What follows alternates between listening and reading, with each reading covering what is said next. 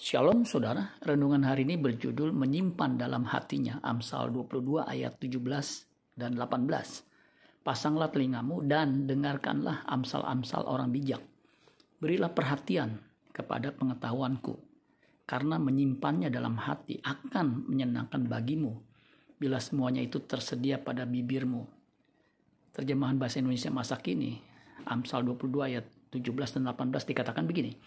Dengarkan, aku akan mengajarkan kepadamu petuah orang arif. Perhatikanlah pengajaranku. Engkau akan senang apabila pengajaranku itu kau simpan dalam hatimu.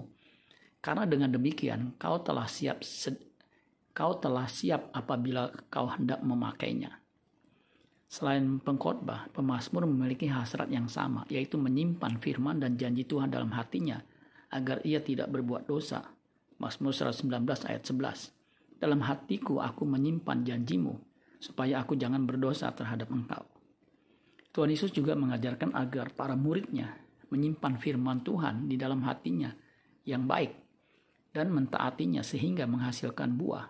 Lukas 8 ayat 15. Yang jatuh di tanah yang baik itu ialah orang yang setelah mendengar firman itu menyimpannya dalam hati yang baik dan mengeluarkan buah dalam ketekunan versi mudah dibaca Lukas 8 ayat 15 dikatakan dan benih yang jatuh di tanah subur adalah mereka yang mempunyai hati yang baik dan jujur. Ketika mereka mendengarkan ajaran Allah, mereka ingat itu terus. Mereka taat kepada ajaran Allah dan menghasilkan buah dengan ketekunan.